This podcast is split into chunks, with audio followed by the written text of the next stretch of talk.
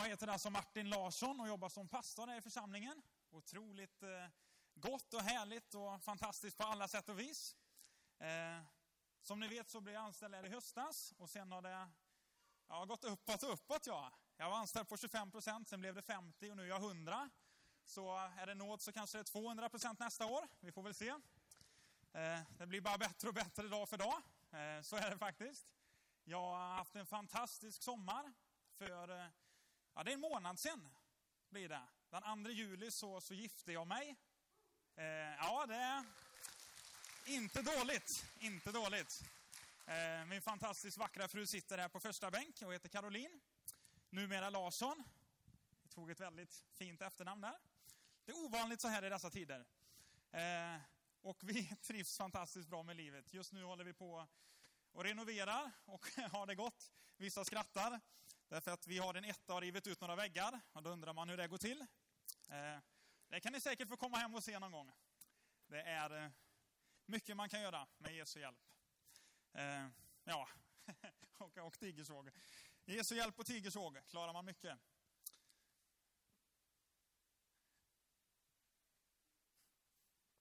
Ja, jag jag älskar Jesus, jag älskar livet, jag tycker det är fantastiskt kul. Det är någonting jag älskar i livet så är det att predika också. Och eh, jag hoppas ni idag bara kan slappna av och tänka att eh, vad kul att få vara i kyrkan. Jag, eh, jag tror att Jesus är en, en väldigt glad Gud. Jag tror inte att han är någon ledsen och sorgsen Gud, utan jag tror att, att vara en kristen det är det bästa liv som finns. Eh, och läser man att, att en av andens frukter är glädje, eh, så tänker jag att i församlingen så borde det bara genomsyras av glädje. Eh, om det är andens frukt så borde vi verkligen jubla och vara glada och det borde ständigt vara en fest. Eh, så därför hoppas jag att du kan tycka att det är lite roligt idag. Jag brukar försöka bjuda på mig själv. Eh, och jag hoppas att ni njuter av livet idag och njuter av en, en fantastisk predikan. För det kommer det att bli. Eh, och jag blir bättre och bättre ju mer respons ni ger. Jag är en människa som, ja jag gillar respons, det är bara så. Eh, om ni sitter där och ropar amen så blir jag ännu mer glad. Eh, och jag ökar säkert tempot ju mer predikan går också. Så jag försöker börja så långsamt som möjligt, det hör ni säkert redan nu. Eh, och sen bara går jag uppåt va. Och så ökar och ökar och ökar jag va. Så att det kommer bli en ljuvlig gudstjänst. Och eh, ja, amen, amen, amen. Jag är så laddad den här söndagen. Det var liksom länge sedan jag predikade. I fredags. Eh, men innan det var det väldigt länge sedan. Jag kom på det, fredagen kom ju här emellan. Och så var jag ute på Segerstorp igår och så åker jag eftermiddag. Och så predikar jag måndag, tisdag också. Så nu känner jag så här, vi är inne i något nytt, en ny tid. Eh, och, och den här söndagen så har jag, jag har verkligen känt att den helige Ande vill säga någonting.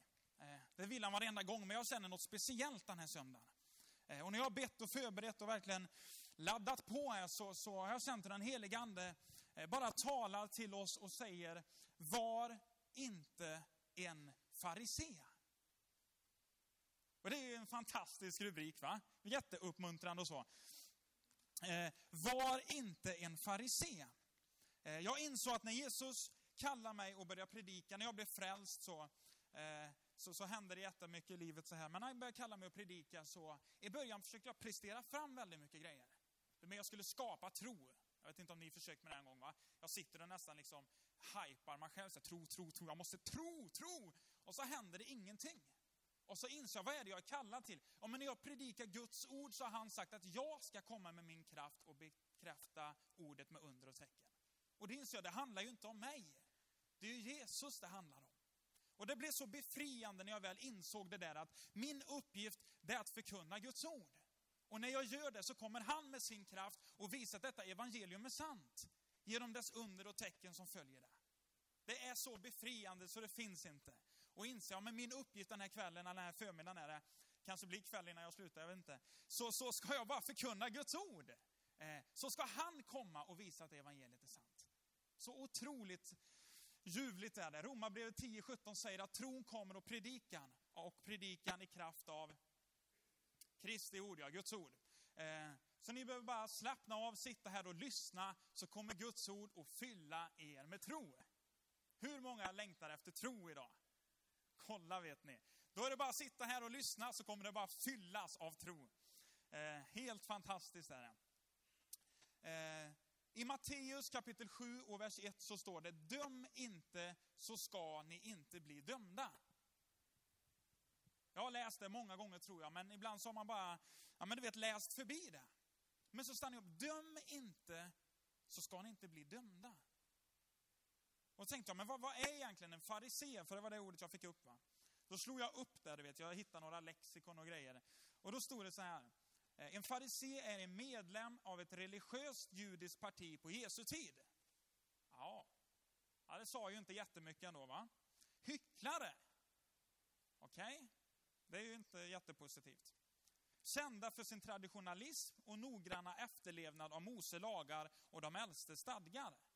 Så stod det, i Nya Testamentet används det för att illustrera ögontjänare, lagiskhet och högmod. Då är det inte så här, man känner yes, jag vill vara en farisé. Nej, någon kanske kände, jag vet inte. Jag känner, jag vill inte vara en farisé. Eh, högmod, det är ingen som vill betecknas som att vara högmodig. Eller vara en ögontjänare. Man vill vara äkta. Eller hur? Det är ingen som vill betecknas av att vara en människa som, eh, som, är, som en lagisk människa. På det sättet att man, liksom, eh, man lägger ett ok på alla andra eller tynger ner alla andra, men själv gör man ingenting. Då blir man en hycklare. Inför alla andra försöker man visa upp en fin fasad, men ingen men de andra är med, ja, men då kan man leva lite som man vill. Det är ju så vill ju ingen vara. Och det här hängde jag faktiskt lite ihop med, döm inte så ska ni inte bli, så ska ni inte bli dömda.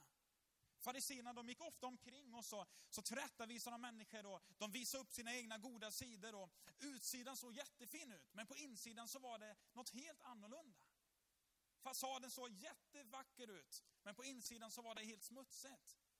Och de gick ofta omkring och dömde människor. De tryckte ner människor, de la jättemånga ok på människors axlar. Men själva lyfte de inte ett finger för att hjälpa människor. Och då kommer en berättelse upp som, som står i ska vi se, den står i, eh, i Johannes 8. Och då är det så här att det är några skriftlärare, tror jag, fariseer som, eh, som tar en, en kvinna eh, på bar gärning när hon begår äktenskapsbrott. Och så släpar de henne till Jesus. Och säger att den här kvinnan hon togs på bar gärning när hon begick äktenskapsbrott. Mose lag säger att hon ska stenas till döds. Och så tittar de på Jesus. Vad säger du? Jag tänkte om nu har vi chans att sätta dit Jesus, de var inte riktigt vän med Jesus. Och då undrar man nummer ett, då, vad var mannen i bilden? Det var bara kvinnan man tog. Okej? Okay? Så ställde man henne framför Jesus och sa man nu, ja, Mose lag säger att hon ska stenas, vad säger du? Så sitter Jesus där, står det. Och så tar han sitt finger och så skriver han på marken. Jag vet inte vad han skriver. Och så tittar han upp på de här männen som är beredda att stena henne, som står förmodligen med stora stenar i händerna och bara väntar på att få börja kasta. Så tittar han och så säger han så här, ja, den som är utan synd kan kasta första stenen. Och det blir förmodligen helt tyst. Och de står där. Och så börjar stå det att de äldste går först. Är ni med? Man släpper ner sten efter sten och så börjar de gå sin väg. Och till slut så finns det ingen kvar. Då är det bara Jesus och kvinnan som sitter där. Helt tysta. Så tittar Jesus upp och säger, finns det ingen kvar? Är det ingen som har dömt dig? Och kvinnan tittar upp och säger, nej, herre det finns ingen. Och då säger Jesus, inte heller jag dömer dig. Gå och synda inte mer. Det är lätt att bli som en av de där fariseerna som, eh, som försöker sätta dit människor. Man tycker att man är lite duktig och man, man, man säger, men titta på dem, de, de lever ju inte rätt, de gör ju inte riktigt, vi är lite bättre. Men när Jesus mötte henne så hade han ju rätt att säga, du lever inte rätt och riktigt. Du har syndat. Men egentligen så är du skyldig till att stenas. Men Jesus var så full av kärlek, så full av medlidande, så full av barmhärtighet och nåd att han tittar på henne och säger, inte heller jag dömer dig. Gå och synda inte mer. Jag kan tänka mig att den kvinnan inte kommer att begå mer äktenskapsbrott. Jag kan tänka mig att hon aldrig mer kommer vända tillbaka till det livet. Varför då? Därför att när hon mötte Jesus så tror jag hon upplevde någonting eh, av så mycket renhet och så mycket kärlek att den där skammen på insidan, den där smutsigheten, den, den infick henne att inså, inse, jag bara vill vända om. Jag vill aldrig mer hålla på med det andra, jag vill följa Jesus nu. Varför? Därför att hon mötte inte en farisé, hon mötte en kärleksfull Gud. Och dit längtar jag efter att du och jag skulle hamna ännu mer. Jag vet i mitt eget liv så är det så lätt att man blir en liten farisé ibland och man tycker att man är lite självgod och lite egenrättfärdig och eh, man är väl ändå lite duktig sådär som går till kyrkan och man ber och läser Bibeln och är, är en bra kristen. Men så det enda jag inser är att jag är frälst endast av nåd. Vad är det som är skillnaden mellan mig och en som ännu inte känner Jesus? Jo, det är att Jesu blod har tvättat mig ren. Det är det enda som skiljer. Jag har gjort mig förtjänt av det. Nej, ingenting. Och så här var Jesus hela tiden. Och när man börjar studera Jesu liv så inser man, han var ganska kontroversiell den mannen. Vi talar ibland om Jesus som han är en fin kille som gick i kyrkan. Jesus, han, han, nummer ett så föddes han av en kvinna som inte var gift och som man då trodde förmodligen hade sex innan hon var gift. Jag menar innan innan Jesus föddes så måste ju ryktet ha gått att han var född utanför ett äktenskap. Hon sa att hon inte hade varit med någon man. Hur många tror ni trodde på en kanske 15-årig tjej på den tiden som sa att, som var gravid och säger jag har inte varit med någon man? Förmodligen inte många. Och så säger hon ja men den heliga ande har kommit över mig. Okej? Okay. För oss är det ju, jag menar självklarhet, det står i Guds ord. Men för dem när de inte hade då nya testamentet. Och plötsligt står det en tjej som är jätteung där och de har gamla testamentet och hon är med barn och säger, det finns ingen som har rört vid mig. Är ni med? Det var Jesu mamma. Och så fortsätter man att läsa om Jesus när han är 30 år och börjar kliva ut i tjänst. Så står det att han börjar bota sjuka, han öppnar blinda ögon och döva öron, han gör spetälska rena. Så står det att de börjar ta anstöt av honom. De sa, men det är ju snickarns son det här. När han kom till sin hemstad. Så han känner vi, vi vet ju vem hans mamma och pappa är. Hans bröder bor ju här ibland oss. Och så tyckte de det var jobbigt med den där Jesus. Vem tror han att han är? Han säger att han är Guds son. Det är ett ganska starkt uttalande. Jag är vägen, sanningen och livet. Okej, okay. han hade lite auktoritet där. Och de börjar tala om honom och säger att de Jesus, han går ju och äter med, med, de, med de där eh, publikanerna. De kallar honom en frossare, vän till syndare och publikaner. Det var vad Jesus fick för omdöme. De sa att han var från sina sinnen och hade en ond ande. Vad härligt rykte han hade, den där Jesus. Eh. Sen var det otroligt mycket goda rykten med. Han botade sjuka folk, följde honom i skaror. Människor älskade honom. Men samtidigt så fanns den andra sidan med. Och ibland tänker man inte på den. Och jag, jag hittade några olika ställen jag tänkte, alltså den där Jesus, han var ju, han var ju helt fantastisk. Han var ju stenhård mot människor. Ena sidan som var så kärleksfull, han var, han var full av medlidande och barmhärtighet. Å andra sidan så böjde han sig aldrig för sanningen. Han ryggade aldrig. Han sa alltid som det var. Du vet när han tillrättavisade så sa du vitkalkade stenvägg eller gravvägg eller vad sa han? Till Herodes sa han den räven. Väldigt uppmuntrande ord. Han var ganska hård Jesus. Det var nog inte alltid så att han passade in i alla kretsar. Men det är den Jesus vi tror på. Och han kom en dag till en stad som heter Jeriko. Är det någon som har varit i Israel här? Och det var huggarns var många. Jag har inte varit där än, men jag är på väg dit. Någon gång i mitt liv. Många ställen jag är på väg till. Men någon gång ska jag till Israel. Har ni varit i Jeriko? Ja, titta. Det är många människor. Jesus nu då, han var på väg till Jeriko, hade kommit in i den staden. Och där fanns det en man som hette Sackeus. Eller Sackaios. Eh, och den här mannen Sackeus, han var chef för tullmyndigheten. Är ni med? Han var chef för tullindrivarna. Eh, och på den här tiden så var romerska imperiet ganska stort och man drev in tull från massa människor för att kunna styra landet. Eh, och de här tullindrivarna de var inte särskilt populära. Varför då? Därför att de drev ju in pengar för sina landsmän. Eh, och ofta så var de ganska oärliga. Så var tullen liksom 200 va, så tog man 400 och så stoppade man lite i egen ficka där. Eh, och så blev de ganska rika de här cheferna för tullsystemet här. Eh, och Sackeus var en sån man. Så han hade tjänat mycket pengar på att vara oärlig, han var hatad av många människor, han var liksom inte omtyckt. Och så, så, så levde han förmodligen ett ganska jobbigt liv kan jag tänka mig. Jag vet inte hur det är med dig, om du är hatad av många. Jag är det nog inte hoppas jag. Eh, men, men om man är det av någon så är det ju inte så kul. Ja, men han kanske inte hade så många vänner. Han tyckte livet förmodligen var lite jobbigt tror jag. Han hade sett sig i den situationen, han hade mycket pengar men saknade kanske livsglädjen och vänner. Men så hör han talas om att Jesus är på väg till stan. Jesus kommer till Jeriko. Och han hade talat om den här mannen som då säger sig vara Guds son, den mannen som öppnar blinda ögon, den mannen som möter människor överallt, den mannen som är så kärleksfull. Han är på väg till Jeriko. Överallt så följde, följde skaror följde efter Jesus. Och jag kan tänka mig Sackeus sa, jag vill också se vem han är. Alla ville träffa Jesus. Jag menar, om vi hade hört idag att det kommer en man som alla som bara rör vid honom blir botade. Så inte, inte vet jag med dig, men jag hade förmodligen sprungit ut och försökt möta den killen. Det var jag, ingen annan. Nej. Eh, jag hade gjort det. Eh, och hade säkert sprungit ut. Varför? Därför att jag är också ganska så här, passionerad ibland. Jag vill att det ska hända saker, jag vill möta, jag vill liksom få lite liv, lite rörelse och sådär va. Så Sackeus var sån, men så insåg han, jag är jättekort. Jag ser ingenting. Alla andra är mycket längre än mig. Och det var massa folk ute och han hade lite problem. Är man kort och det är massa människor framför så har man ett problem för då ser man bara ryggar. Och hur kul är det att se en rygg? Ja, det kan vara kul, men det är inte alltid kul i det här läget när man vill se Jesus då.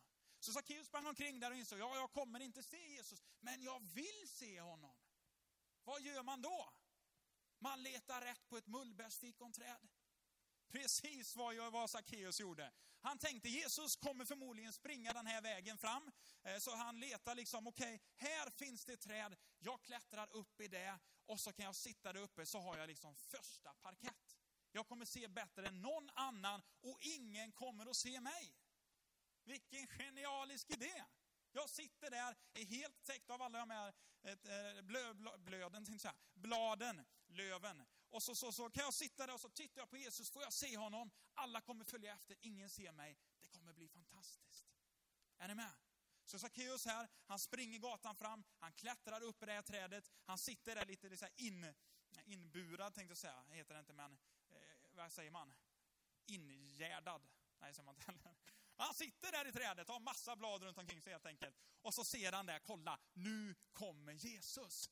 Det är massa liv och rörelse, folk bara tränger sig. Det är rena så här allén av folk uppställda.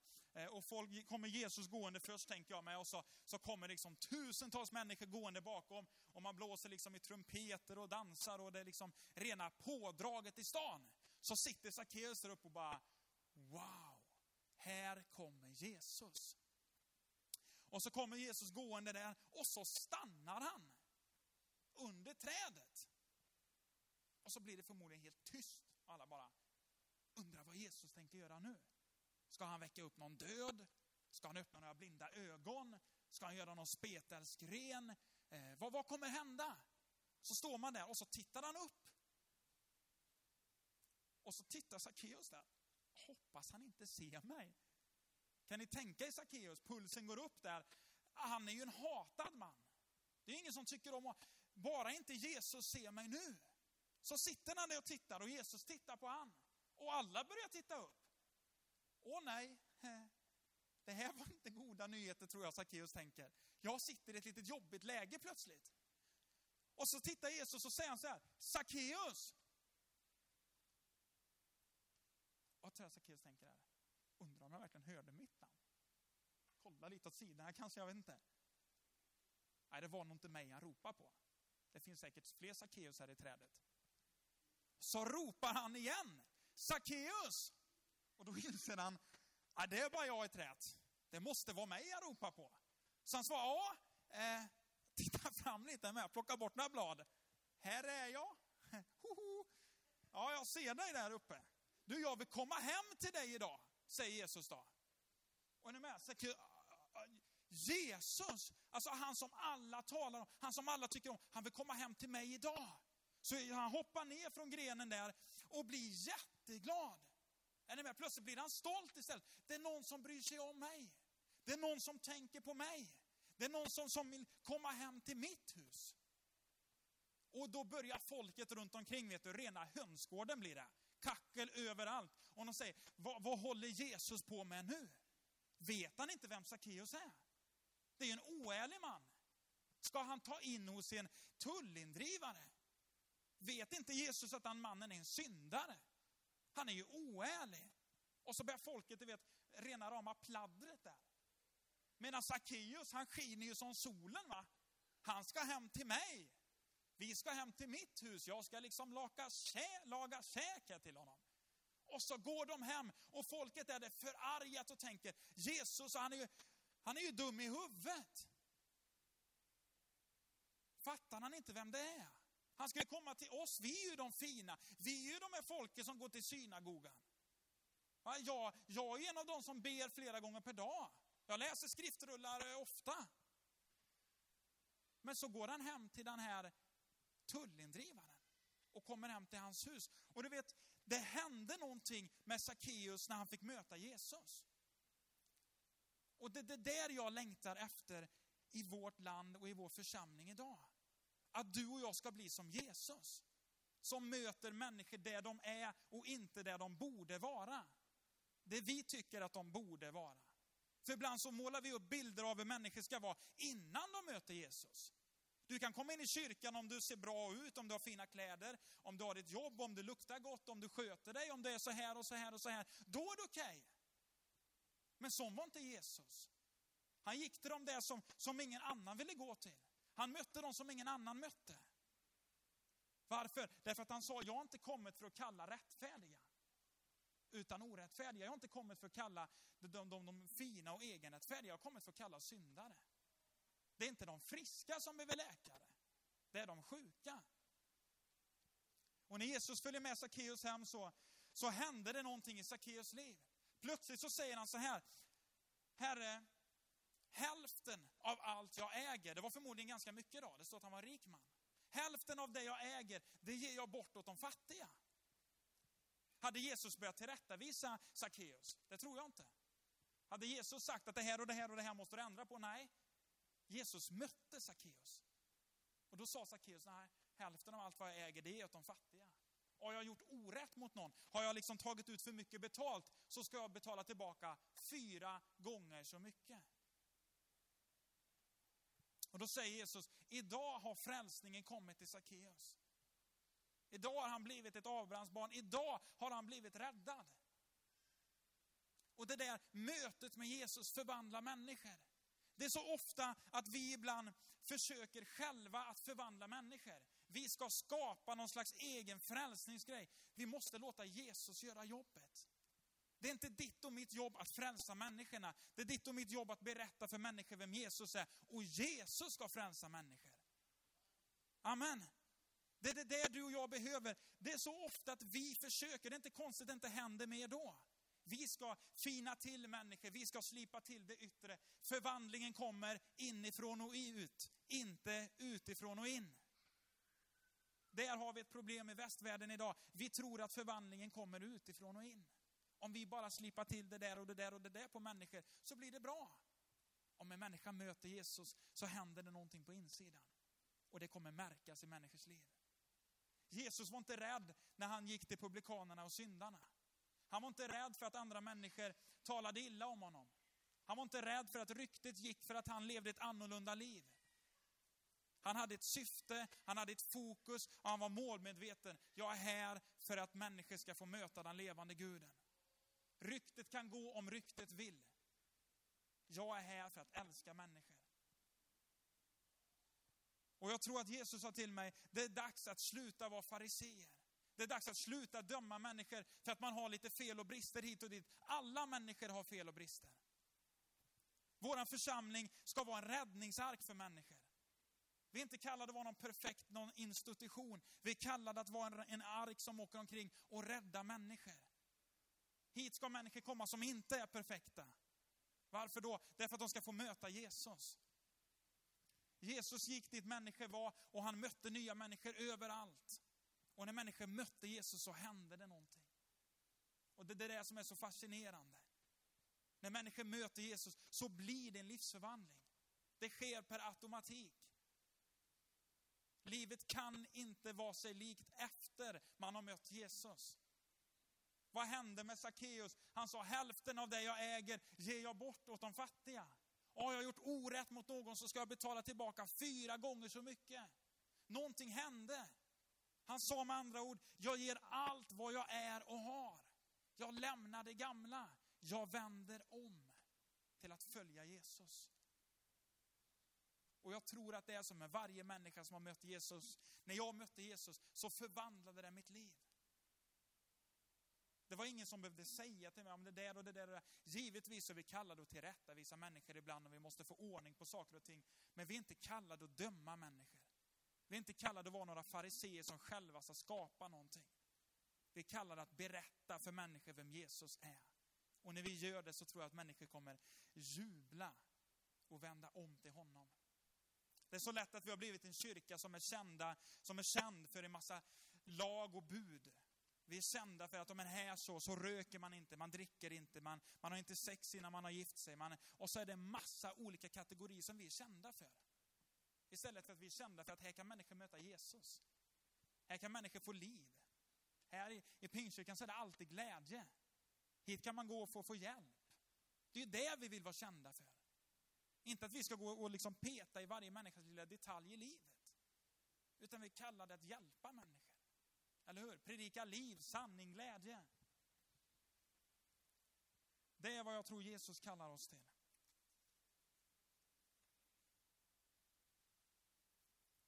Och jag tror att det är dags att du och jag börjar möta människor där de är och inte där de borde vara. Du vet när en människa gör fel så, så vet man oftast om det. Eller hur? Är det någon som har gjort fel någon gång?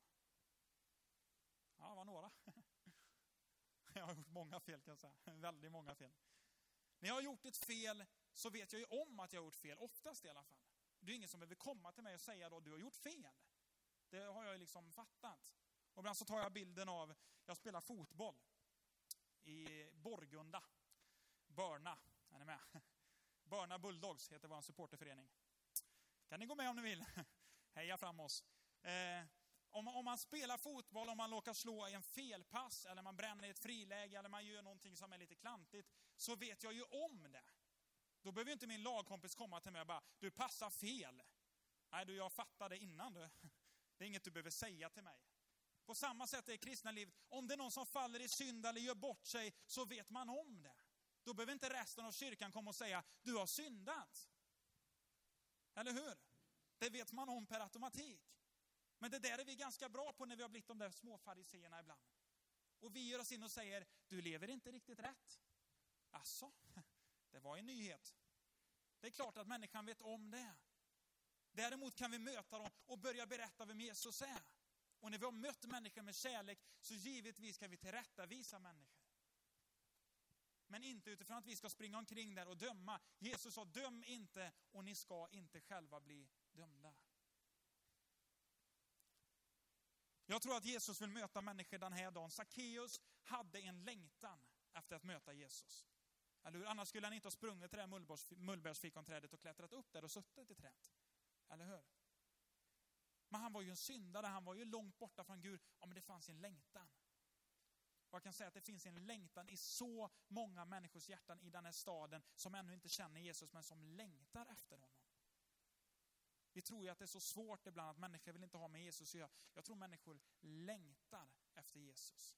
Men de väntar på dig och mig att vi ska komma med Jesus till dem. De längtar efter att vi små Kristusgestalter ska springa ut och möta dem. Och finnas där och, och berätta vem Jesus är och, och be för dem. Det är det de längtar efter. Och jag tror att Jesus är här den, den här dagen också. Och jag tror att han vill möta med människor den här dagen. Jesus säger i sitt ord att jag är densamme igår, idag och för all framtid. Jag förändras inte.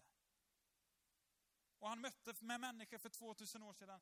Jag kan övertyga om att han möter med människor idag. Och jag tror att han är här den här söndagen därför att han vill vidröra många hjärtan.